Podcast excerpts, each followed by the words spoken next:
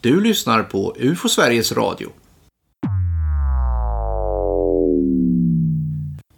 Metallgubbar från rymden vägrade tala värmländska. Får man tro en lekvattenbo hade Fryksände i Värmland på lördagskvällen besök av rymdmänniskor. Mannen i fråga är en trovärdig person vars grannar och närmaste bekantskapskrets intygar att han inte brukar fabulera. Mannen säger att han vid en resa tillsammans med en granne i dennes bil några kilometer väster om Torsby gått ur bilen. Kamraten fortsatte ett stycke för att invänta honom. Vid vägkanten fick mannen se sex underliga skepnader stå uppradade i kolonn.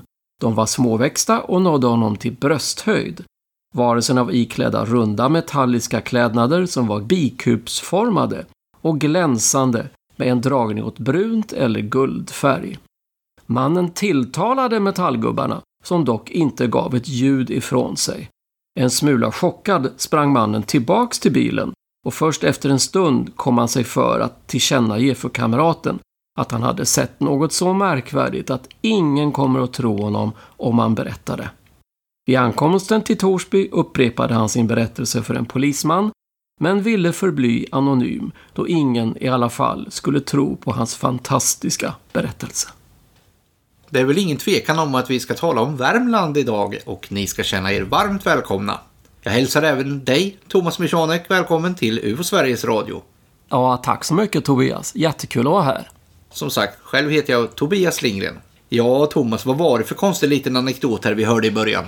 Ja, det här var ju en, en tidningsartikel då som jag läste upp.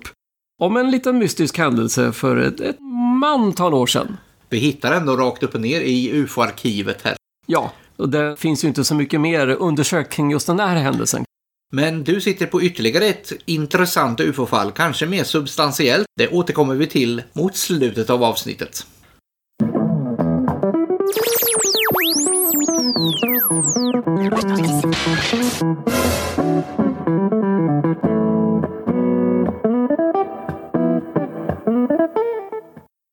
Välkommen säger jag till Claes Svan. Tack så mycket. Nyss hemkommen från USA. Det har väl varit intensivt med mycket ufo-snack antar jag. Ja. Skulle du vilja berätta lite kort om USA-vistelsen innan vi rullar vidare? Ja, intensivt är väl eh, en bra beskrivning. Jag var där emellan den 2 och 6 eh, mars. Och det var en konferens då som eh, jag var den enda som var lite längre ifrån egentligen förutom någon från Frankrike också. Som var inbjudna till då, som, som hette Archives of the Impossible och som genomfördes på Rice universitetet i Houston i Texas. Det var ju då som man kan ana av utav platsen en ganska bra kvalitet på, på konferensen. Det var alltså mycket folk där som hade utbildningar inom eh, en rad olika ämnen som vi har nytta av i vårt arkivarbete. Det var inte någon UFO-konferens, alltså det är viktigt att påpeka.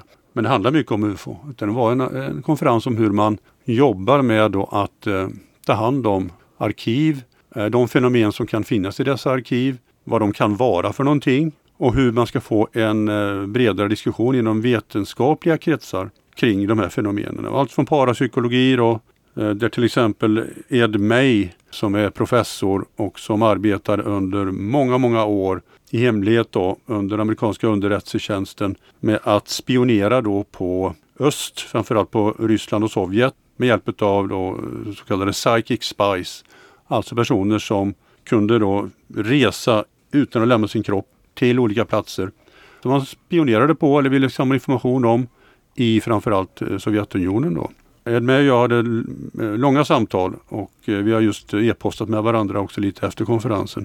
Och han är helt övertygad om och tycker att han kan också bevisa att det finns då dessa fenomen. Att det går faktiskt att genom parapsykologiska metoder pionera eller ta kontakt eller uppleva saker som är långt, långt bort från den egna kroppen. Så det var ju djupt fascinerande.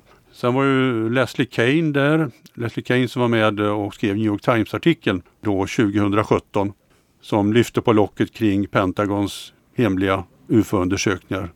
Henne känner jag sedan tidigare så det var kul att träffa henne igen. Hon berättade mycket om, inte just faktiskt den biten, utan om hur hon istället nu ägnar sig ganska mycket åt att undersöka och dokumentera ett medium i England som har kontakt då med de avlidna.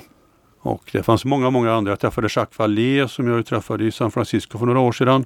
Det var jättetrevligt. Vi hade mycket att prata om. Jag satt eh, en god stund också och eh, pratade med folk från andra UFO-arkiv. Bland annat eh, Miles Lewis som driver ett arkiv i Austin i Texas. Som jag också har haft mycket kontakt med genom åren genom e-post men nu fick vi ses på riktigt. Så det var ju fantastiskt kul. Och Whitley Strieber som många av er känner till kanske för boken Närkontakt eller Communion som hette på ursprungsspråket engelska.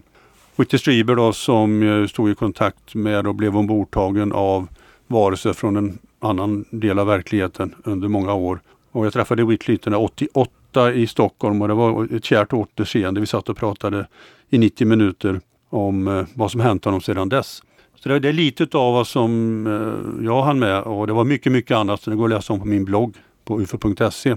Lite mer detalj och, och titta på bilder. Men det var en väldigt givande konferens och AFU då som jag representerade där framförallt var ju folk oerhört imponerade utav. Och jag har fått väldigt många mejl och påstötningar efteråt. Och en person har redan bokat in sig på ett möte på AFU. Han kommer dit den 2 april. Och då ska jag visa runt på arkivet. Men det låter som att du hade kunnat vara kvar mycket längre och prata mycket mer med många namnkunniga personer. Ja, verkligen. Men jag fyllde mina dagar från tidig morgon till sena kvällar med möten och eh, diskussioner och lite minglande och utbyte av erfarenheter som jag tror vi kommer att ha stor nytta av både inom AFU och inom UFO Sverige. Och de som vill veta mer om det här kommer att få läsa det i våra tidskrifter framöver antar jag. Så blir det. Men dagens ämne är ju Värmland. En bra utgångspunkt är väl de här projekten som UFO Sverige genomförde år 2002 och 2004. Där du var en av drivkrafterna. Ja, det var ju två väldigt stora projekt egentligen. Den första var ju som sagt 2002 då, mellan 30 juni och 6 juli. Och det andra var 2004 mellan 5 och 10 juli. Jag, kan säga, jag, jag skapade de där projekten, vi hade inte gjort något liknande tidigare.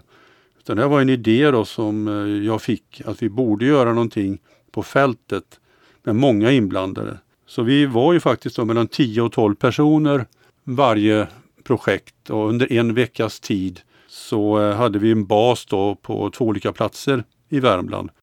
Därifrån utgick vi då varje morgon.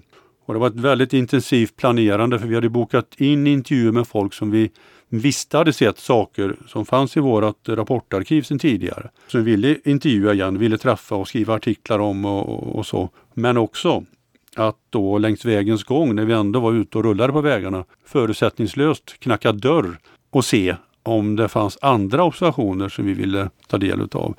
För att få folk att öppna de här dörrarna så gick vi ut då veckan före varje projekt i eh, media då, i, i Värmland, i tv, radio och tidningar. Berättade helt, helt enkelt om att vi skulle komma dit och var vi skulle vara någonstans. Och Det gjorde då att eh, alla i princip kände till oss, att vi var på väg. För det var en oerhört bred mediebevakning kring detta. Så att det var inga överraskningar när vi dök upp och knackade på. Och det gjorde att det blev väldigt mycket lättare för oss att få folk att prata också. Var det här UFO Sveriges eh, första stora fältundersökningsprojekt? Om man bortser då från projekt Hästdalen.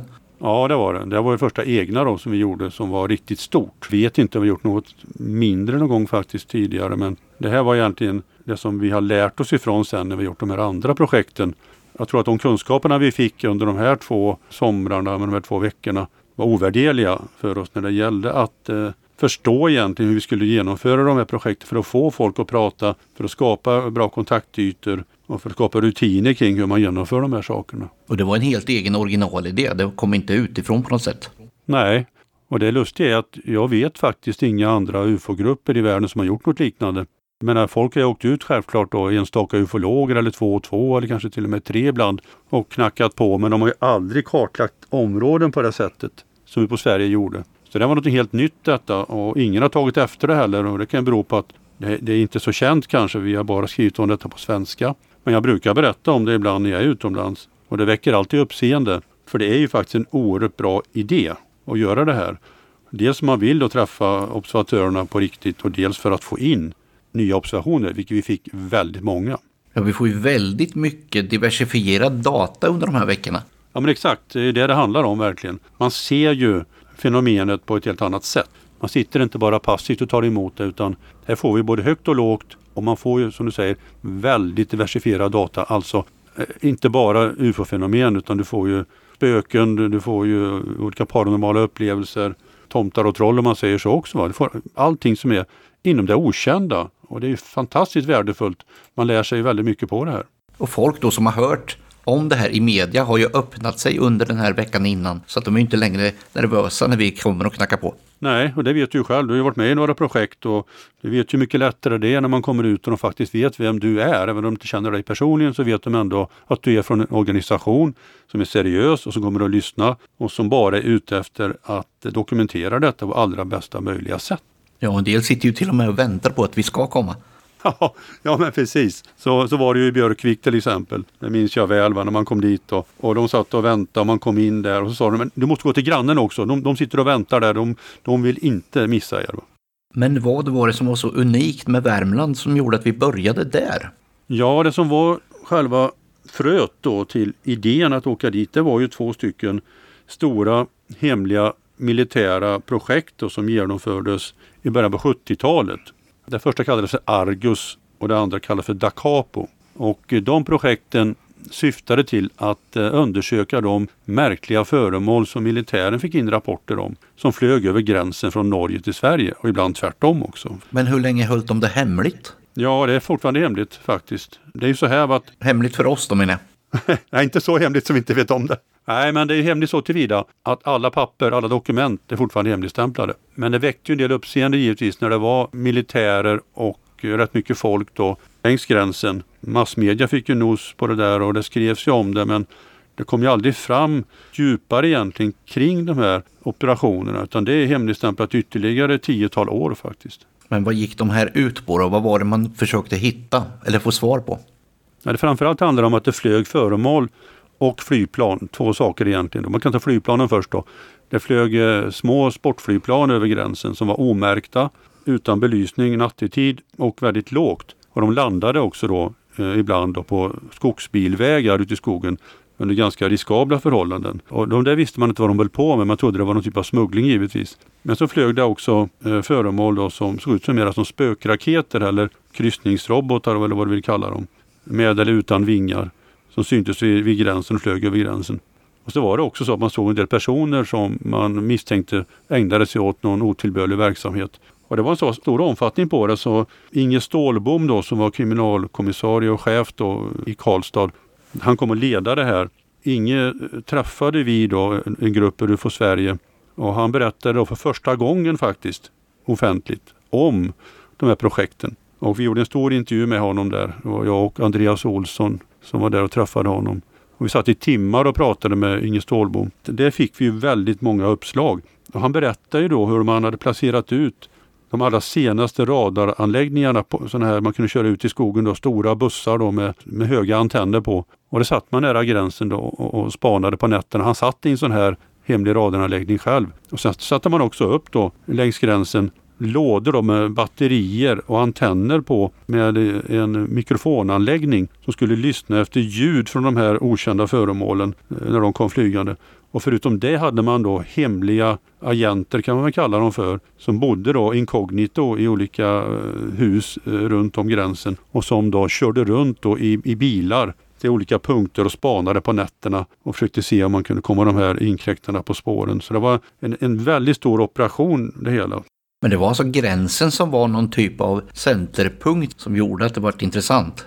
Ja, men när UFO Sverige, när vi åkte dit då så täckte vi egentligen ett område från Charlottenberg då i söder till Sysslebäck i norr. Och man kan säga då från Fryken, båda Frykensjöarna, västerut mot eh, Norge. Men även faktiskt vi vi körde en del längs östra strandkanten på Frykensjöarna också. Men vi åkte egentligen aldrig längre öst, österut än så utan det var det här området som, som vi ägnade oss åt. Och vi, vi, vi samlades ju varje morgon innan vi åkte ut och så så åt vi frukost tillsammans och sen så drog vi ut i grupper om två och två i bilar. Och sen var vi ute hela dagen då och knackade dörr och intervjuade folk. Och så kom vi tillbaka och så avrapporterade vi då inför en stor Värmlandskarta då. Vi prickade in saker och, och så som vi hade samlat in varje kväll. Och det blev senare och senare och senare att vi var ute fan mig från sju på morgonen till 23 på kvällarna till slut. Vi åkte längre och längre bort och vi hittade mer och mer personer att intervjua det var så spännande. Folk tyckte det här var det roligaste de hade gjort inom UFO Sverige faktiskt. Och det tycker nog jag också att det kan ha varit. Det var bland det roligaste jag har gjort. Det var en organisation som fungerade jättebra och vi fick så mycket tillbaka. Så mycket spännande rapporter tillbaka. Ja, vi fick ju nya saker hela tiden. Hela tiden. Och folk ringde. Vi hade ju en person då, Jörgen Granli, som tyvärr är borta nu då, som var våran centrum då som satt, tog emot telefonsamtal då, från allmänheten och så och som eh, han skickade sen ut då, vidare till oss då, som var på fältet och vi höll kontakt med honom hela tiden. Men det var ju på den tiden som eh, mobiltelefonnätet var ju ganska krackigt där i, i, Värmland. Så vi fick ju stanna till och ringa ifrån fasta telefoner också för det funkade ju inte. Va? Men vi körde ju kanske 10, 15, 20 mil om dagen i Värmlandsskogarna på det här sättet faktiskt. Var det tur det inte idag med dagens bensinpriser? Ja, men jag tänkte det också faktiskt när du, när du kontaktade mig om den här podden att herregud alltså Värmland, hur skulle vi ha gjort det idag? Alltså, det hade blivit mycket, mycket, mycket dyrare. Men fanns det någonting där i den tiden som gjorde att just gränsen till Norge var kontroversiell? Varför var de här grejerna där just? Har man fått något, någon idé om det? Ja, idén var ju att det var smuggling då, men Inge Stålbom sa ju till mig att efter att de hade undersökt detta så han trodde inte en sekund på att det handlade om smuggling. Vi intervjuade också Säpochefen i Värmland då, den tidigare Säpochefen ska jag säga. Och han trodde inte heller det rörde sig om smuggling. Utan det, det, det de nog ändå trodde i slutändan, de saker de kunde identifiera, det var att det rörde sig om någon sorts stay behind-verksamhet där man från NATOs sida med Sveriges goda minne då, i ett mörkerläge, då, i ett krigsläge, hur man skulle då agera för att få dels in folk i Sverige och få ut folk ur Sverige. Att det kunde vara något sånt det handlade om. Men eh, jag, menar, jag, jag träffade en, en helikopterpilot då, som eh, bodde utanför Karlstad som jag träffade då och intervjuade sen efter projektet för jag känner inte till hans händelse då när vi höll på med detta. Men han berättade då att han låg ju då standby då med sin helikopter och sin andre pilot beredd då att lyfta på en given signal och då fick han en sån här given signal under en av de här operationerna. Att han skulle gå upp då för att ett okänt föremål var på väg då från Norge in mot Sverige. Och det var månsken. Det var också ljust så tillvida att det var, det var lite snö kvar på marken. Så att han lyfte i alla fall och gick då mot den här punkten där föremålet var, var på väg emot. Och han flög då bara kanske 20 meter över, över trädtopparna säger han till mig. Och då plötsligt då när han är ute där och, och han och hans andre pilot och spanar då ser han då det liksom kommer flygande ett cigarrformat föremål under helikoptern, alltså bakifrån under helikoptern, mellan trädtopparna och helikoptern. Mitt i natten, men ändå så pass ljust i och med att månen lyste. Och flyger upp då, så han ser det föremålet då, framför helikoptern innan det fortsätter bort. Va? Och de har inte en chans att hinna ikapp det här. Men det beskriver han då som ett föremål då, som är som en cigarr, kort cigarr, inga vingar, inga igenkänningstecken överhuvudtaget. Då kommer man in på de här mer märkliga händelserna som, som hände där. Som, som jag tänker mig att man inte kopplar ihop med Stay Behind och de här flygplanen. Jo men precis. Fick vi in givetvis en hel del sånt också då. Med de konstiga flygplanen och cigarrformade föremål. Det fick vi ju självklart när vi knackade dörr. Vi fick också in de här klassiska föremålen då som eh, ja, cigarrformade mera. Om du tänker dig som ett Adamski-moderskepp. Alltså, de har ju, var ju väldigt vanliga på 70-talet. Idag får man inga sådana rapporter längre och det kan man ju fråga sig varför det är så. Det vet vi inte riktigt. Men eh, vid ett tillfälle var vi på väg då vid eh, Västra Fågelvik. Jag och eh, någon kollega i bilen som sannolikt var Håkan Ekstrand. Då träffade vi på en man där som heter Per-Erik Andersson. Han berättade för oss då att han på hösten då, 77, han minns inte exakt vilket datum det var, men klockan var vid 23 i alla fall för han var på väg ifrån jobbet så som han slutade då i Töcksfors då strax före 23.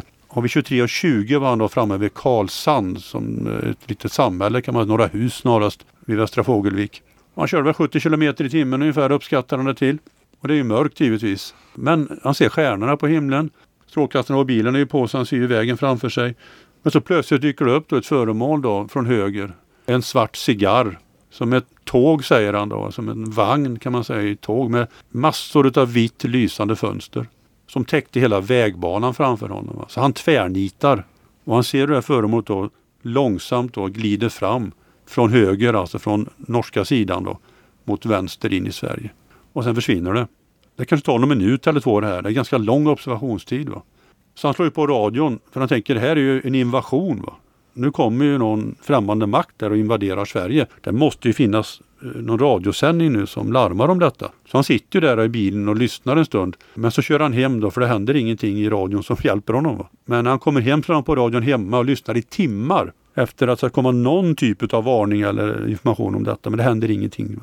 Han var övertygad om att det var någon militär operation. Ja, det var han. Fullständigt övertygad.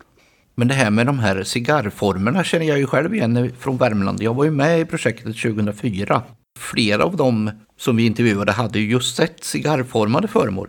Ja, men det är lite lustigt. Beskrivningen av folkvagnsbuss kom ju ibland. Ja, Oberoende av varandra. Ja men exakt alltså, det du säger nu. Det, det var många sådana rapporter som kom in. Va? Den där folkvagnsbussen, det var en som hette Sonja Ringsby i Ivarsbyn som hade sett. Va?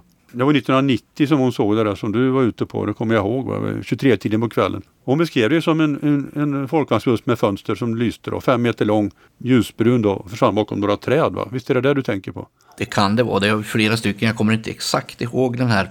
De hade fått problem med telefonen samtidigt och då hade de sett den utanför fönstret och den hade höjt och sänkt sig för att inte köra över några sorts ledningar. Kan det ha varit telefonledningar tror jag. Ja, det var ganska lågt i alla fall, intressant. Då. Ja, väldigt lågt. Ja, men det är nog samma. Trätoppshöjd. Det är nog samma. Eh, Det var mm. riktigt spännande fall. Det var ganska nära också. Det var inte, inte som långt bort i fjärran utan det, hon kunde bedöma att det var väldigt nära faktiskt. Nej, men cigarrerna är konstiga. Vi, vi har, jag fick in många sådana rapporter också. Jag träffade ett gäng personer som hade sett, eh, sett cigarrer. Alltså. Så det, det, jag vet inte, jag träffade till exempel en då, Bengt-Åke Grigholm ute vid lekvattnet. Då, som han och hans fru Anna då, hade sett 1960 eller 61. Barnen hade skrikit på dem, kom ut, kom ut och de rusade ut då. Då kom det liksom en stor cigarr med lysande fönster. Han ringde en granne också vet jag, men grannen hann aldrig ut. Då. Och de träffade vi också och satt och pratade med. Och sen vet jag en annan i lekvattnet, eh, Tyra Eriksson som körde ut posten då i mitten på 70-talet. Hon var ute då vid niotiden på morgonen och åkte från Torsby då till lekvattnet. Fick se en jättestor, så här, en jättestor brun sak med fönster som passerar lågt över, över vägen. Och hon tänkte, hur landar det där föremålet? Hur kommer det upp? tänkte hon, berättade hon för oss. Och det här är inte många mil emellan de här två händelserna som jag berättar om nu. Va? Och det var ännu fler som såg cigarrer. Och det är lite knepigt alltså varför man gjorde det. Ja, och de har ju sannolikt aldrig pratat med varandra. Så det finns ju ingen koppling på det viset. Nej, ingen koppling alls. Och det är inte publicerat heller så att de kunde inte läsa om det. Det var ju först när vi kom sen och skrev om det.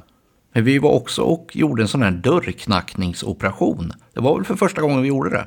Ja, det var det. Det var ju rätt kul faktiskt. Det var ju premiär för våran dörrknackningar och eh, det var ju i Lennartsfors då som eh, den 7 juli då 2004 som vi var ute där och eh, ja, det bodde kanske tusen pers där ungefär i Lennartsfors. Hälften var ju norrmän då som pendlade. Men många där hade ju sett då, och framförallt de här mystiska flygplanen. Vi hann ju inte med hela byn givetvis men det var ju en liten kul idé det där tyckte jag. Jag vet inte var jag hämtade själva det där ifrån en gång i tiden men att försöka kartlägga ett enda väldigt smalt snävt geografiskt område.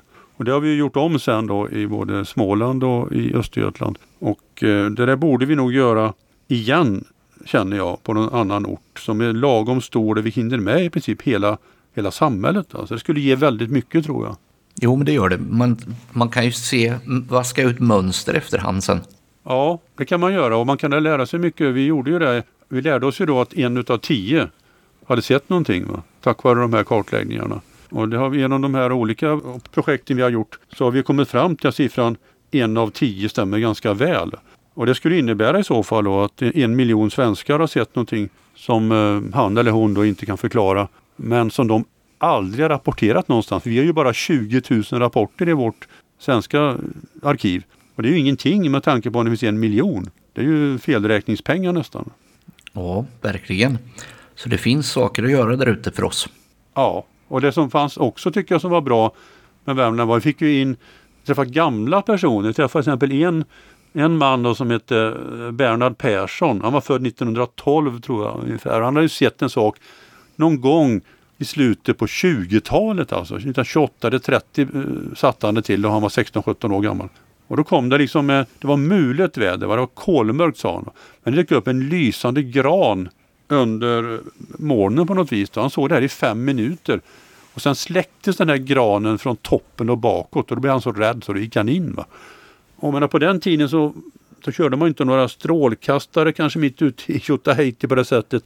Det var inga raketuppskjutningar, det var inget sånt. Va? Utan det var, det var en genuint eh, märklig händelse. Och, och sånt är rätt eh, belönande när man kommer ut och får träffa folk som berättar sånt här.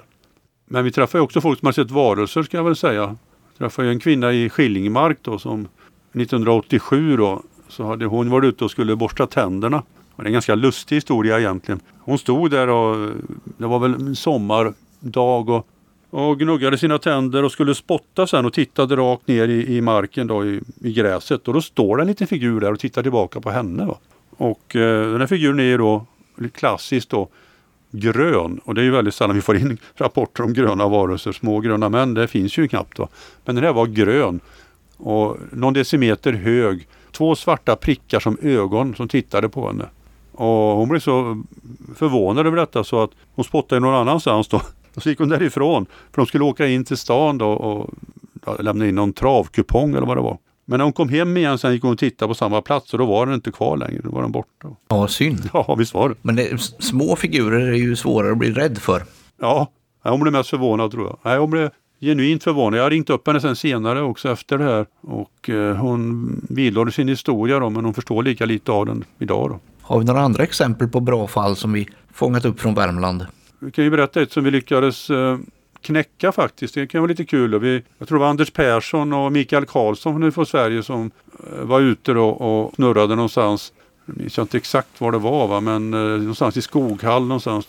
Ja, jag ska låta det vara osagt då. Men då fick de träffa de en, en man då där som berättade 1946 eller 1947 hade han sett någonting som var som ett miniflygplan mitt på dagen. Med en propeller som var jättestor men planet var bara en halv meter långt.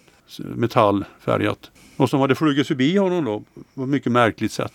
Anders och Mikael de, de lyckades då gräva rätt på i vårt arkiv då medan vi var ute faktiskt till och med. Så hittade de en rapport där från ett spökplan då, som gick eh, över Skoghall. Det planet då, det, hade, det var ett modellflygplan som en person hade tappat bort. Som hade flugit iväg ifrån honom och som gett sig ut på egen hand innan det antagligen då kraschade någonstans. Han hittade aldrig i alla fall. Nej, det var ju så lite på den tiden att man skickade iväg planen utan styrning. Ja, men det kanske var så. Jo, för att man hade inte uppfunnit det här med radiostyrning riktigt så tidigt. Nej. Så det var mer eller mindre friflygning. Ja, det var inte så lyckat i det här fallet då. Den försvann ju. Det var lite lustigt ändå att hitta ett, ett vittne till detta som vi bara hade egentligen sett i vårt arkiv i form av en tidningsartikel tidigare. Ja, det var ju riktigt roligt när vi väl hittade lösningen där. Ja, det var ju riktigt kul alltså. Jag vet inte, minns du det där fallet eller? Jo, för jag tror att det kom fram samtidigt som vi var i Lennartsfors och hade någon sorts avstämning och då kom det där fram och det var ju nästan jubel när vi hittade, fattade att vi hade fått svaret. Just det, det var i Lennartsfors, ja det stämmer. De byggde någon sorts ehm, eh, teater eller någon sorts dansbana och annat höll på och snickrade. Ja, de skulle ju ha eh, ukulelefestivalen. Ja, så var det. Och det var där de träffade det här vittnet. Men det finns ju, det här var 1946 eller 47 då. Och eh, vi fick in en annan intressant rapport då, som, eller fick in, men jag kände till den sedan tidigare genom spökraketarkivet då, på krigsarkivet. Det är en man då som heter Bror Högfält. Han var gränsuppsyningsman då. Eller, ja, han jobbade då vid gränsen där och jobbade för tullen. Va? Han var ute och, och gick i de här kring ett riksröse där då som låg en bit därifrån som markerar just gränsen. Han då och hans kamrat, också gränsuppsyningsman, fick ju då höra ett ljud i luften och fick en syn då på någonting. Det var som ett dån alltså. Ska man säga. Och fick då syn på ett silverfärgat föremål som hade små vingar. Som flög då, som han säger till mig, då, 800 kilometer i timmen. Det är svårt att mäta men det gick ju jäkligt fort som du förstår. Och det här flög ju då förbi dem. Och sen så svänger föremålet då 90 grader alltså. När det kommer in över norska sidan så svänger det 90 grader och viker av österut emot eh, Sverige igen då. Någonstans vid sjön Römungen är det någonstans där. Och de vandrar den vidare de här gränsöversyningsmännen. Och då springer de på en kille som heter Paul Edvinsson då. Som eh, är en vanlig civilperson som befann sig en bit längre bort. Och han berättar att han hade också sett det här då från sin plats där han befann sig. Då. Så det här fanns det ju då en rapport på då i, i försvarets arkiv. Och jag har ju pratat med, med Högfeldt sen då vid flera tillfällen om detta. Och det är en märklig historia att den svänger 90 grader på det här sättet. Det är en enda spökraket som jag känner till från 1946 som har gjort en 90 graders gir. Jag måste nämna en sak till bara. Det finns ju jättemycket. Vi ska inte mm, prata länge som helst om detta. Men vi träffade en som heter Eldbjörg Andreasson också i Bogen. Och Bogen är ju ett klassiskt ställe för mig för jag har suttit där och jagat spöken en natt i en lada mitt i vintern och nästan frusit ihjäl. Men det är en annan historia. Men eh, Elbjörg i alla fall då eh, träffade vi och hon hade minsann skrivit upp när det hände 8 september 76 klockan 11.55 och det är ju bra, det gillar vi. hon var utomhus och det var ljust ute givetvis då. Hon fick höra ett fräsande eller väsande ljud då över sig. Hon böjer sig inte instinktivt och duckar och då flyger det fram ett grått föremål alltså över huvudet på henne. Och hon säger till mig att håret där reste sig rakt upp på henne. Hon blev, som man ser i, i filmer ungefär, va, så rädd så att håret stod på ända. Va. Det här föremålet var som en flat tallrik och passerade förbi då några teleledningar en bit bort då, som de lyckades undvika innan det försvann. Ganska litet föremål. Och var inte ensam då, utan det var en annan man, Oskar Gustafsson, en snickare också, som eh, såg detta. Ja, det finns ju väldigt mycket att ösa ur vårt arkiv, även från Värmland. Ja, verkligen. Eh, råder ingen brist på historier från Värmland och åker vi dit igen skulle vi få nya napp med all säkerhet som vi inte, vi träffar ju inte så mycket folk egentligen. Vi träffar kanske tusen, lite drygt tusen personer på de här två eh, veckorna vilket är hyfsat mycket ändå men sett till Värmlands befolkning så är det ju ingenting. Så det var ju väldigt många som vi önskar att vi skulle kunnat träffa som vi aldrig hann med helt enkelt. Då tackar vi Claes Svan och säger hej och välkommen till Johan Gustafsson. Tackar, tackar. Du var ju inte med i det här Värmlandsprojektet som vi just snackade om, men du har säkert något intressant Värmlandsfall för oss att berätta om. Ja, Värmland är ju åtminstone till ytan ett eh, ganska så stort svenskt landskap och när jag nu har suttit på Rapportcentralen i ganska så många år så har det ju naturligtvis droppat in en och annan rapport därifrån. Jag tänkte att eh, jag skulle dra en av de mer intressanta grejerna som jag har jobbat med ifrån eh, Värmland. Det var 2015.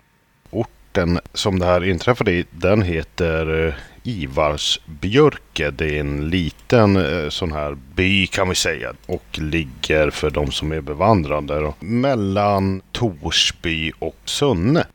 Det här var den 7 mars 2015 som den här observationen ägde rum. Väldigt tidigt på morgonen eller sent på natten, vad man nu väljer att kalla det. Närmare bestämt vid tvåtiden. Och den inkom till oss den eh, 29 maj samma år. Det började då med observatören, en kvinna då i det här fallet. Hon, eh, hon var husvakt åt sin far ute på landet. Och hon vaknade på natten och mådde lite illa då och gick då upp och skulle dricka lite vatten. Och när hon sen kom tillbaka till sovrummet så stod hennes eh, mamma som ju också sov där då och tittade ut genom fönstret. Hon säger vad i hela friden är det där för någonting? Hon hade alltså vaknat? Hon var vaken då. Hon hade väl som det verkar vaknat någonstans där mellan eh, dotterns uppvaknande och hennes lilla promenad. Så då står hon och tittar ut här genom fönstret och, och, det är uppenbart att det är någonting där som har fångat hennes uppmärksamhet. Då. Så hon säger sådär till dottern, vad, vad sjutton är det där för någonting? Då går hon fram till fönstret hon med och tittar ut. Då ser hon, det som hon beskriver eh, här under det här samtalet som jag har med henne, som ett rött lysande klot hänger i luften då. Kanske fem meter ungefär som hon uppskattade över en åker där, där det här huset är.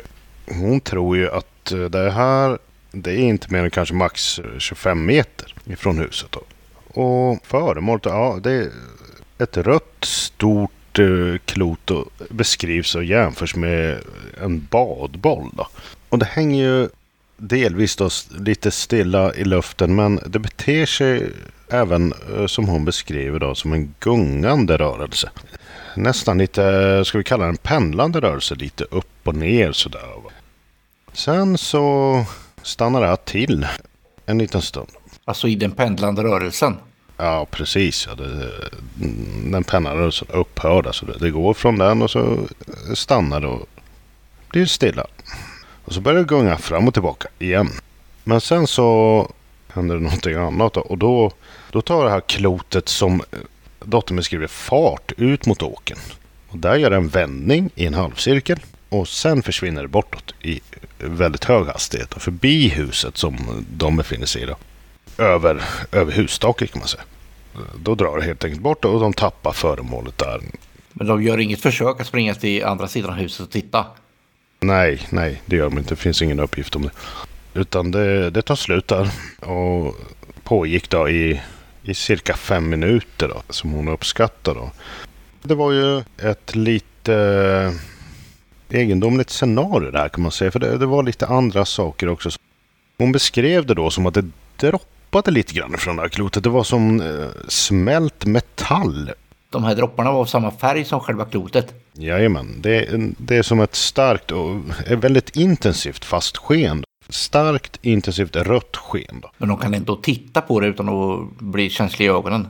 Nej, det är också en detalj va, som, som hon är inne på där. Det, det är ansträngande att titta på det här föremålet. Men inte så pass ansträngande att det inte Titta bort eller så. Ja, titta bort eller höja armen som man gör när man tittar på solen eller någonting sånt. Utan de kunde ju se på det. Det gjorde lite ont i ögonen. Va? Men i övrigt var det jättemörkt ute. Ja, det var ju en, en, eh, sen natt här va, i, i mars. Va, och då är det ju becksvart. Och där ute på landet va, så det finns ju inte så mycket. Men gjorde den här, lyste den här ner på marken då? Det vet vi inte i nuläget eh, får jag nog medge. Det, det kan inte jag minnas att eh, observatören eh, berättade. Och jag har inga uppgifter om det i min rapport här heller. Vilket jag tycker att jag borde haft i sådana fall. Så Men det var inte så nära marken alltså. de tyckte att det var inte så himla högt upp. Fem meter över åkern och 25 meter från huset. Då. Så eh, det, det kan man ju tycka det borde ha gjort va, med det här skenet. Men det, det är nog en detalj som har fallit lite mellan raderna här. Det var även så att observatören vid det här tillfället upplevde, eh, Eh, som hon beskriver då, att håret, nackhåret reste sig på henne. Hon tyckte att det här var att jämföra med, eller i alla fall hennes tankar gick som om det vore elektrisk laddning i luften.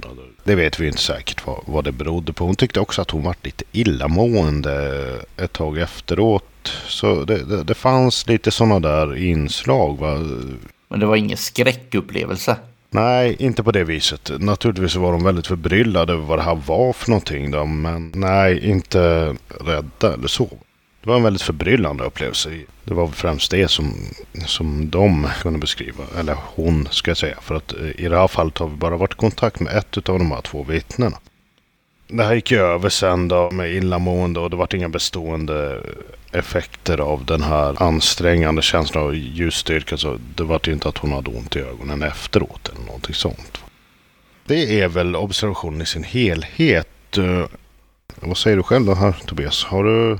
Nej, jag tänkte om, de har, om man kunde se någonting på dagarna efteråt eller någonting, något spår utanför. Nej, kunde man ju inte då. De var ju ute och tittade där och det syntes inga spår av något slag på fältet där, där de trodde att det här skulle ha varit.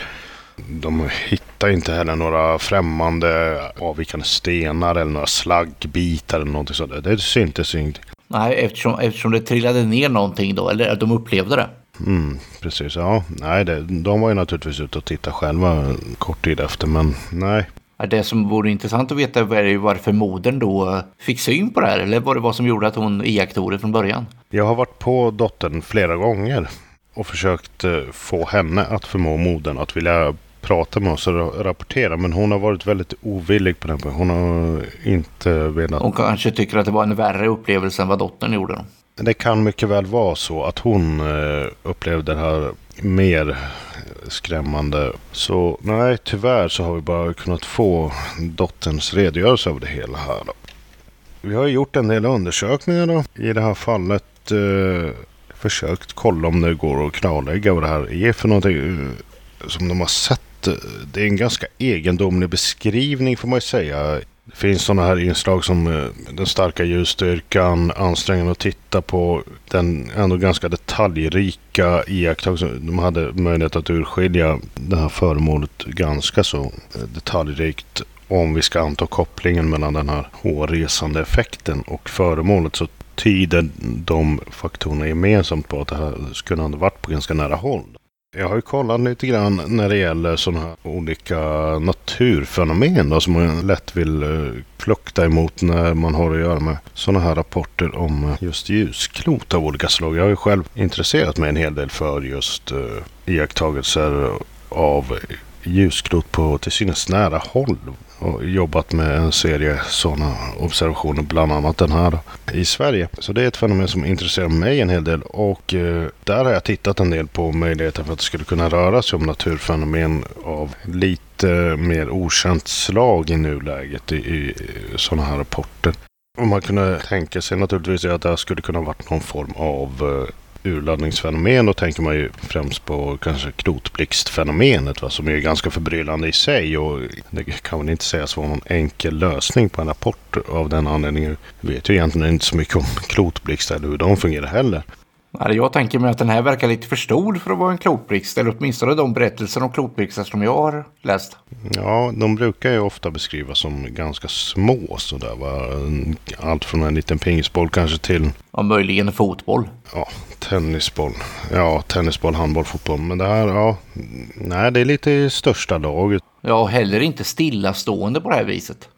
Nej, de rör sig ofta lite mer intensivt. Sen ska man vara lite försiktig med sånt där också tycker jag. Va? Mm, jag har ju pekat på det i vissa tillfällen att eh, man har haft väldigt lätt att klumpa ihop vissa observationer av ljuskrot under kategorin krotblixtar. Medan man har hoppat över andra observationer. Det, det var en ganska svår skiljelinje att dra. Alltså vi vet inte riktigt vilka av alla de här mängderna av observationer av ljuskrot som har eh, rapporterats genom åren som skulle kunna klassas som knotblixtar och vad knotblixten i sådana fall är för någonting och vilka som tillhör en annan kategori och vad det i sådana fall är. Det är någon sorts subjektiv eh, selektion som vi gör på grund av vår erfarenhet och sådär. Ja, och inte bara vi utan det har nog även andra branscher gjort. Meteorologerna och dylika branscher har väl jag tänker på det mänskliga, mänskliga i, i det hela. Människan sätter, sätter sina spår. Det, det, det, blir inte så objektivt som man skulle vilja.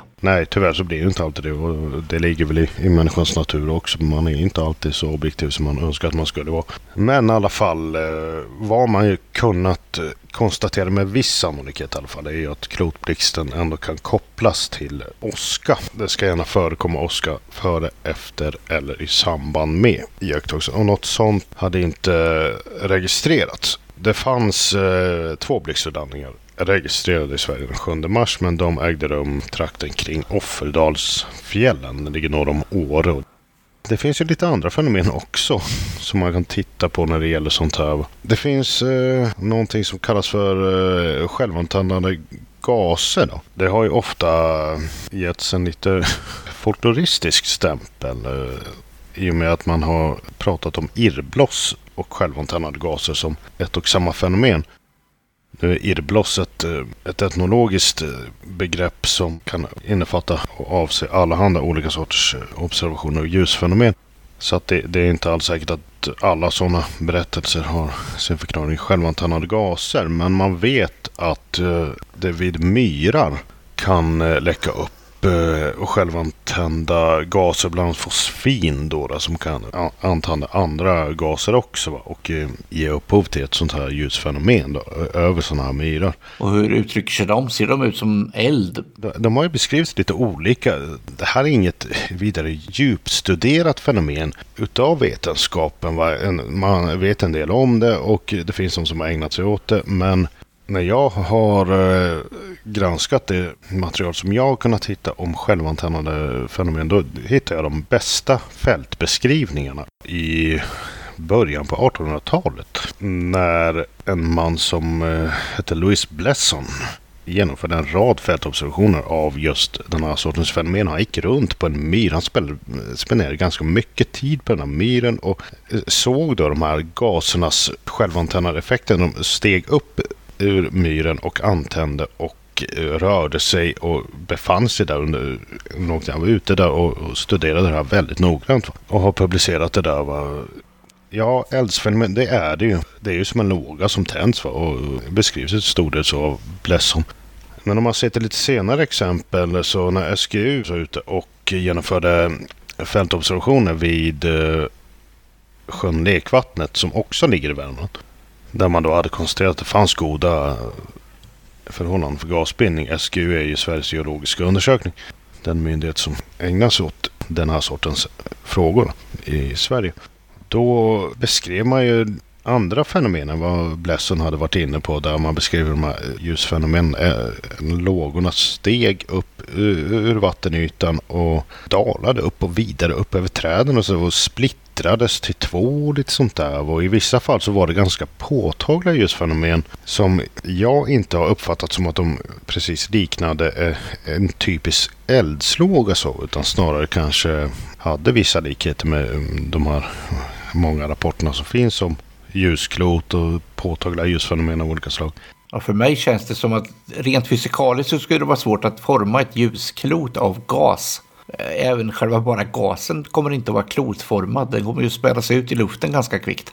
Ja, precis. Det, det kan ju eventuellt vara ett problem. Va? Sen kan ju det vara mer eller mindre subjektivt just den här avgränsningen som gör att man uppfattar det som ett klot. Det är själva ljuset som blir klotformat, inte gas. Alltså om man skulle skärskåda den här effekten så kanske den inte egentligen är rund utan det, det sker i betraktarens öga. Ja, eventuellt så kan man ju tänka sig det att just den detaljen, det kanske är någorlunda klotliknande så, vad man tänker sig flamma på lite håll så, men just avgränsningen till ett tydligt klot, den kan ju vara subjektiv. Och, och... Men hur frekvent är de här grejerna då? De förekommer vid myrar det är ju ingenting som förekommer jätte, jättemycket så vitt jag har förstått. Utan det är nog ett mindre vanligt förekommande fenomen. Men om vi ser till den frågan i den aktuella rapporten så gick jag in och kollade SGUs jordartskartor där. Och det finns ju sådana här torvområden då, ett par hundra meter ifrån observationsplatsen från bostaden. Så det, det, är ju ett, ett myrområde då, där det teoretiskt skulle kunna uppstå sånt här. Men det ligger lite långt bort för att jag ska tycka att det uh, blir en tillfredsställande förklaring utav det. Vad det ligger flera hundra meter, 400 meter ungefär bort ifrån den här bostaden. Och även om man kanske kan tänka sig att de här eh, uh, flammorna kan röra sig med vinden och att det var det som hände här. Att den dalade lite med vinden i, i någon minut eller ett par minuter och sen fick en knuff av en uppåtvind. Va? Så som var ute och gjorde sina tidiga observationer på 1800-talet. Då beskrev han den här lågan försvann när han eh, avlägsnade den ifrån eh, det här myrområdet. För han hade den mer eller mindre i hand. Han kunde liksom leda den med, med sitt eget vinddrag från sin egen kropp och lite sånt där. Bort ifrån myrområdet och då försvann den där. Men när SGU gjorde sina undersökningar vid lekvattnet eh, långt senare då verkar ändå som att eh, det kanske gick att, att föra bort den här självantänande gasen ifrån gaskällan då, utan att den slocknade. Så det går väl inte helt att utesluta att det rör sig om något sånt här. Det som vore intressant att veta är hur länge de kan brinna. Om de flyger ifrån ursprungsområdet lär de ju inte ha någon kontinuerlig eh, tillförsel av bränsle. Nej, precis. Och eh, det är väl kanske det man kan tänka sig. Att det var det som hände vid Blessons observationer. Där. Men ja, jag har inte hittat några sådana uppgifter om hur det skulle förhålla sig med livslängden och jag kan tänka mig att det kan bero på en rad olika orsaker. Jag tänkte du sa att den här observationen pågick i fem minuter. Eller åtminstone hade det varit deras upplevelse. Det är deras uppskattningar, precis. Och det är ju väldigt, väldigt länge.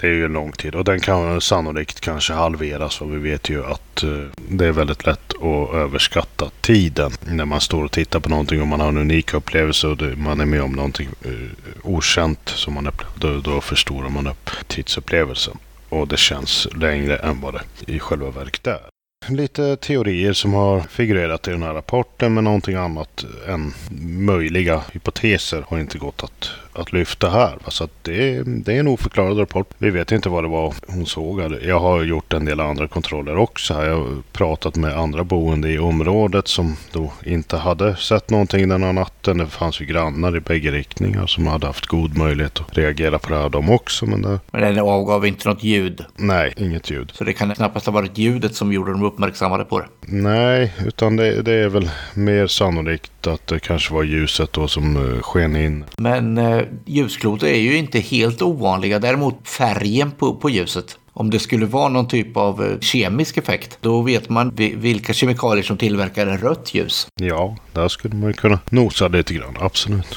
Då är frågan då, är rött ovanligt i ljusklotssammanhang? Det är mer vanligt att, att kloten uppfattas i andra nyanser men det är ju inte alls unikt att de uppfattar det här som, som ett rött klot. Det, det har förekommit vid tidigare tillfällen. Men nej, det, det är inte den vanligaste nyansen. Det är ofta som man berättar om vitaktiga och kanske blå, vita, gulaktiga. Men visst är det så att, att rött förekommer. Det är ju också jättesvårt för oss att föreställa oss om vad de menar när de säger rött. Ja, men jag har en, en illustration här som visar vad jag skulle kalla för ja, nästan illröd. Då, då tänker jag en sån här lampa som sitter högt uppe på masterna.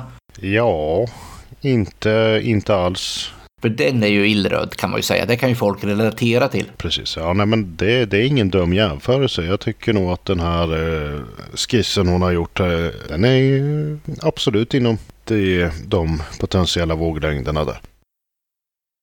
Intressant iakttagelse som de har gjort. Synd att vi bara fått möjlighet att prata med ett av två vittnen, men likväl en, en påtaglig och egendomlig upplevelse som de hade den här kvällen. Men vi tror inte att vi kommer längre i det här fallet, eller?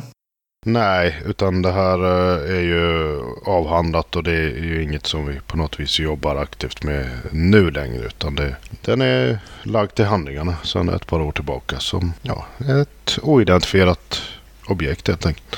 Men vad tror du om att åka ut och göra fältstudier på sådana här bloss då, på myrorna? Ja, det skulle vara jätteintressant att få möjlighet att göra det. Det ska väl till att man har lite flyt också. Att eh, förhållandena är de rätta och blossen dyker upp helt enkelt. De här irrblossen om vi kallar dem så enligt deras folkloristiska namn. Vi får ta fram SGUs karta så får vi starta ett nytt Värmlandsprojekt. Ja, det skulle vara kul. Då tackar vi för det här inslaget. Tackar, tackar. Då flyttar vi oss till Värmland, till en riktig värmlänning, åtminstone en som har dialekten kvar. Eh, välkommen Christian Umeland till UFO Sveriges Radio. Tackar. Då ska det bli väldigt spännande att höra vad du har att berätta om värmländska fall här. Ja, jag har ett litet intressant fall som uh, dök på mig. Kan väl börja från början. Det, vi befinner oss ganska rakt norrut ifrån Karlstad. 4-5 mil. Någon mil söder om Sunne, vid sjön Visten. Och Frykensjöarna är kanske mer känt för folk utanför Värmland. Ja. Och det ligger precis intill Visten. Selma Lagerlöfs Mårbacka ligger ju i de där krokarna också. Och eh, händelsen var som sådan att en familj, en mamma och pappa och en liten pojk plus ett annat par eh, satt och hade kvällsbjudning när de utanför fönstret såg en röd tingest sväva 20-30 meter ovanför vistens yta. Och eh, avståndet bedömdes till cirka en kilometer eftersom att de visste att en ö där ute var ungefär så långt ut. Och eh, de hann med god marginal öppna fönstret och titta ut. Och där kunde de inte höra något ljud.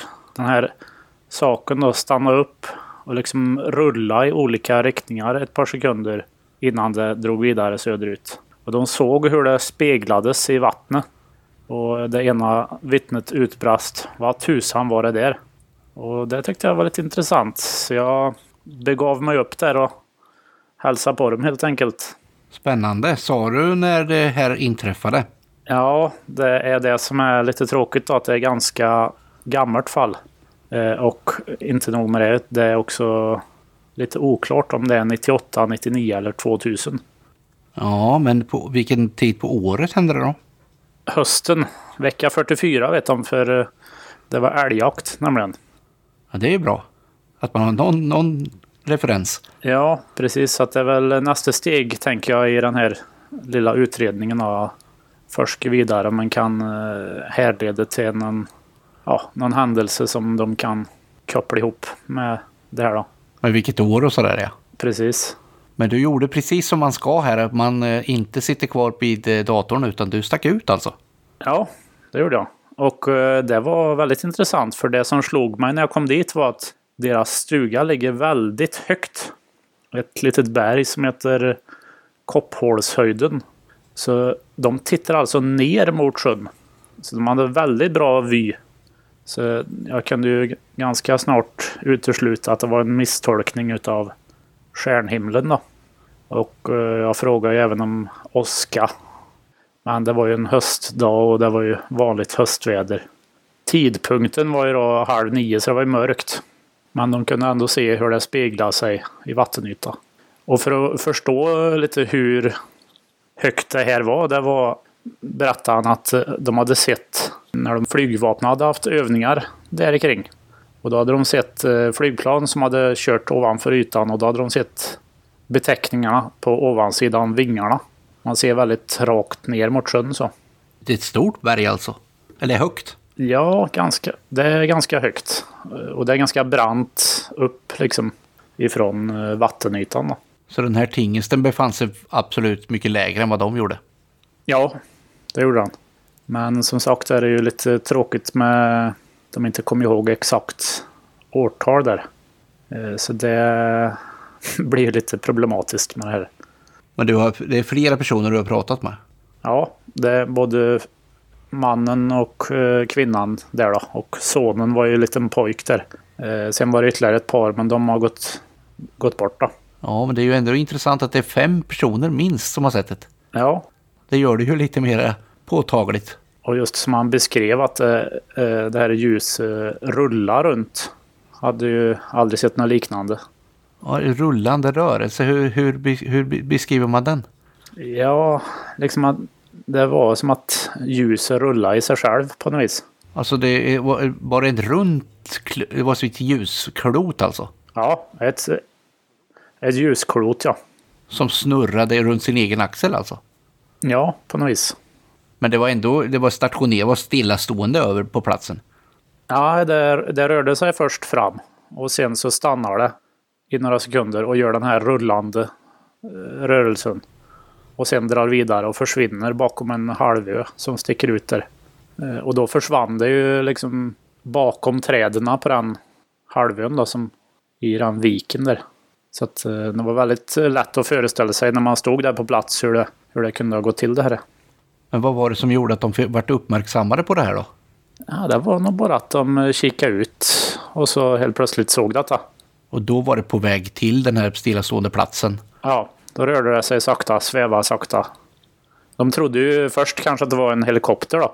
Men eh, då öppnade de fönstret. De hade så pass god tid och de hörde ingenting. Det borde de ha gjort om det hade varit en helikopter. Ja, han tyckte att han borde ha hört det. Det är ju väldigt eh, rekorderligt folk detta. Men det vart inga efterspel sen. Nej, tyvärr så hade han ju inte rapporterat till UFO Sverige eller någonting då. Så att, eh, ja, han hade skrivit ner lite. Och eh, inte något mer. Men det hade, han hade tänkt på det i alla fall. Jaha, du har inte gjort några mera efterforskningar rent generellt och det är ju svårt att göra några pinpointade grejer när man inte vet riktigt tidpunkt och datum så men Nej, det har jag inte gjort än så länge. Det är väl lite tidsbrist. Men jag tänkte, han, jag har fått fram att han läser, eller läste GP i alla fall.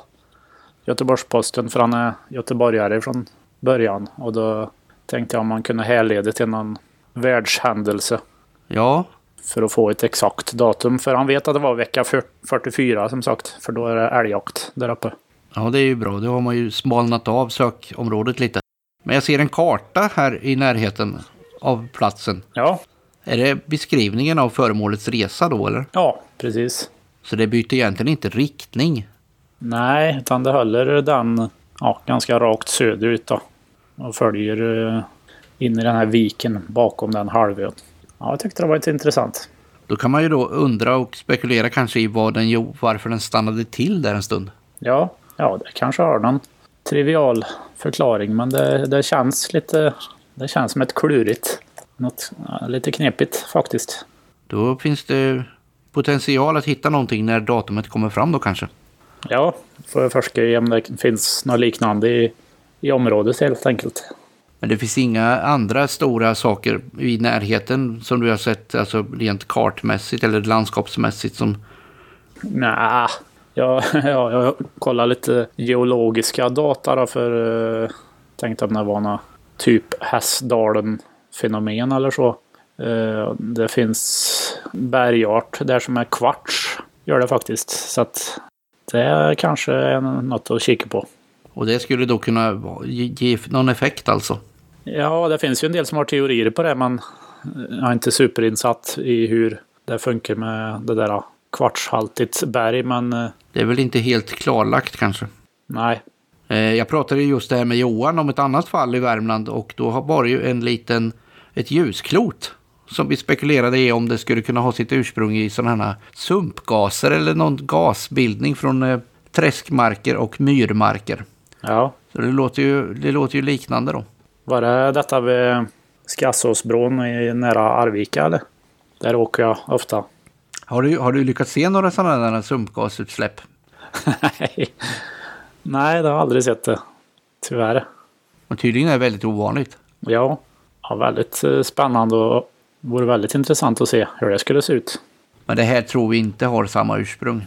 Ja, det är klart. Fast det var ju, de såg det ju så pass länge. Vad jag förstår på sådana här sumpgasantändningar så är det mera kortvariga fenomen. Det här eh, kändes mera ja, som det var någonting som styrde det. Flög inte med vinden alltså heller. Nej, i och med att det stannar alltså. Spännande. Det var en liten rapport ifrån värmländska skogarna. Då hoppas jag att vi får återkomma till dig och prata mera om Värmlandsfall kanske, eller något annat framöver. Ja, alltid välkomna att höra av er. Då är du tillbaka Thomas, nu med något helt annat från Värmland. Var tycker du att vi börjar? Vi ska faktiskt be oss till Arvika i västra Värmland. Den här händelsen den inträffade den 7 oktober 1990. Och det är en 24-årig kvinna i Arvika som studerar vid Ingesunds musikhögskola. En ganska känd skola här i, i Värmland. Som ligger ungefär två kilometer söder om Arvika. Hon är då på väg hem från skolan på kvällen. Och då berättar hon på det här sättet. Jag cyklade hem vid 21-tiden och plötsligt utan förvarning slår en jättestor blixt ned bredvid mig. Eftersom det inte var något åskväder så tittade jag uppåt och bakåt för att se vad det kunde vara. En bit upp i luften, ungefär 150-200 meter upp, står ett grått föremål stilla. Formen var plan under och ovansidan var kupolformad med en ljusramp på mitten. Det lyser gult ur föremålet och det var omgärdat av ett starkt blåvitt sken. Under cirka fem sekunder observerade jag det hela. Det var ljudlöst. När det försvann rörde det sig från stillastående till mycket hög hastighet, stod stilla igen i cirka två sekunder för att sedan försvinna. Bländad försökte jag fånga det åter men såg bara några gula prickar. Och efter fem minuter så hördes ett starkt muller under cirka tio sekunder. Men det här är ju inrapporterat till UFO-Sverige och hon har ju naturligtvis fyllt i ett sånt här rapportformulär som man gjorde på den tiden. Och har ju gjort en teckning då som visar ett stort diskusliknande föremål. Och hon säger att det här föremålet upptog ungefär 10 cm på en armlängds avstånd. Och det är ganska mycket det om man håller upp handen och måttar en decimeter. Som hon då uppskattar var 150-200 meter upp i luften. Och det är ju på kvällen och hon ser det mot kvällshimlen så att det där med avståndsbedömning är ju svårt. Men det är ju så att Rapportcentralen på den här tiden då, 1990, de bedömde det här som ett UFO. Men det finns ju också en annan möjlig förklaring faktiskt. Det var så att just den här kvällen, den 7 oktober 1990, så observerades det en ljusstark bolid över stora delar av Sverige. Och faktiskt vid ungefär den här tiden då, 21-tiden som hon själv angav. Det här har ju då Rapportcentralen naturligtvis eh, noterat. Men samtidigt så tycker man då att hennes berättelse stämmer väldigt illa med det här. Just med tanke på att hon säger sig ha sett ett stillastående föremål under fem sekunder. Och det här mullret som hon hör fem minuter efter hennes egen observation. Och det skulle ju kunna vara från boliden. Absolut, för de kan ju ge ifrån sig ljud. Själva ljudet alstras väldigt långt bort. Ja, så att det tar de minuterna innan det kommer till hennes öron. Men jag tänker mig att min initiella känsla var att det är inte en bolid hon har sett. Nej, jag håller med. Jag tycker också att det stämmer dåligt. Nu vet vi att folk kan ju naturligtvis se saker på himlen och, och få en annan uppfattning om händelseförloppet för att man kanske bildar sig någon egen tolkning av det hela. Men det tycker jag inte heller att hon har gjort egentligen. Hon säger ju inte att hon har sett något mystiskt egentligen eller liksom gjort någon bedömning själv av det här. Nej, den är väldigt väsensskild från utseendemässigt. Om hon säger diskus och en bolid, det finns ju ingenting gemensamt. Nej, Det skulle ju vara om man då ändå ser den där boliden och gör någon slags övertolkning just i det tillfället. Men hon säger ju som sagt att det står stilla i fem sekunder och det funkar ju inte heller riktigt med en bolid. Där kan man nog hålla med Rapportcentralen att det är en mindre trolig förklaring. Men ändå intressant att det händer samtidigt. Ja, det är onekligen det, faktiskt. Det... Men hon har inte sett boliden. Uppenbarligen inte. Hon hör bara det här starka mullret som skulle kunna vara boliden. Och någon åska eller så fanns inte i luften. Nej, precis. Det, det sa hon själv att det, det, var, det var inget åskväder. Det var det jag tänkte på när hon fick en blixt där i början. Hon uttrycker sig nog lite konstigt. Hon sa att det slog ner en blixt bredvid henne. Hon menar nog inte det, utan att hon såg en blixt i ögonvrån. Så ska man nog tolka det. Men det tycker jag är ett ganska intressant fall som vi har grävt fram här ur arkivet. Och vi hade då också resultat ifrån den här bedömningsgruppen i det här fallet. Det var, um, man kan säga, fem personer som tyckte det var, skulle bedömas som UFO och en person då som nappade på den här bolid-teorin. Men eh, det är ju ändå en övervägande majoritet som tycker att det inte stämmer. Men hade de skrivit några motiveringar till att de ville att det skulle vara UFO då, eller? Ja, alltså det finns ju en, en motivering där de egentligen går igenom fallet. Föremålet är stillastående, ljudlöst, kupolformat, omgärdat av blåvitt sken, grå färg, försvinner med otrolig hastighet och så vidare. Det både berättelsen och teckningen säger UFO, tycker man som slutsats. Då har man alltså tyckt att det var ett väldigt bra fall. Ja. Med, med den tidens mått mätt, så att säga. Sen vet vi inte hur, hur vi idag skulle ha... Nej, jag tänker det. För det har ju förändrats lite med åren. Jag tror man var lite enklare i sin bedömning på den tiden. Ja, vi har väl ett lite mer strukturerat sätt idag att gå igenom alla tänkbara förklaringar. Och, ja. Så det här framgår till exempel inte har man kollat upp flygtrafik Nej. eller någonting sånt. Och sånt vill man ju ha. Ja, men bara sett från beskrivningen så är det ju uppenbarligen ett eh, intressant fall. Men då tackar jag dig, Thomas, för den här rapporten. Tackar. UFO Sveriges Radio produceras av Riksorganisationen UFO Sverige. Adressen till UFO Sverige, vad är den Thomas? E-postadressen är info.ufo.se. Hur gör man för att kontakta UFO Sverige på annat sätt? Ja, man kan ju till exempel gå in på Facebook. Skicka meddelande där kan man göra. Varför inte ringa till vår rapportcentral om man har varit med om något ovanligt? Och telefonnumret dit är 018 555 000.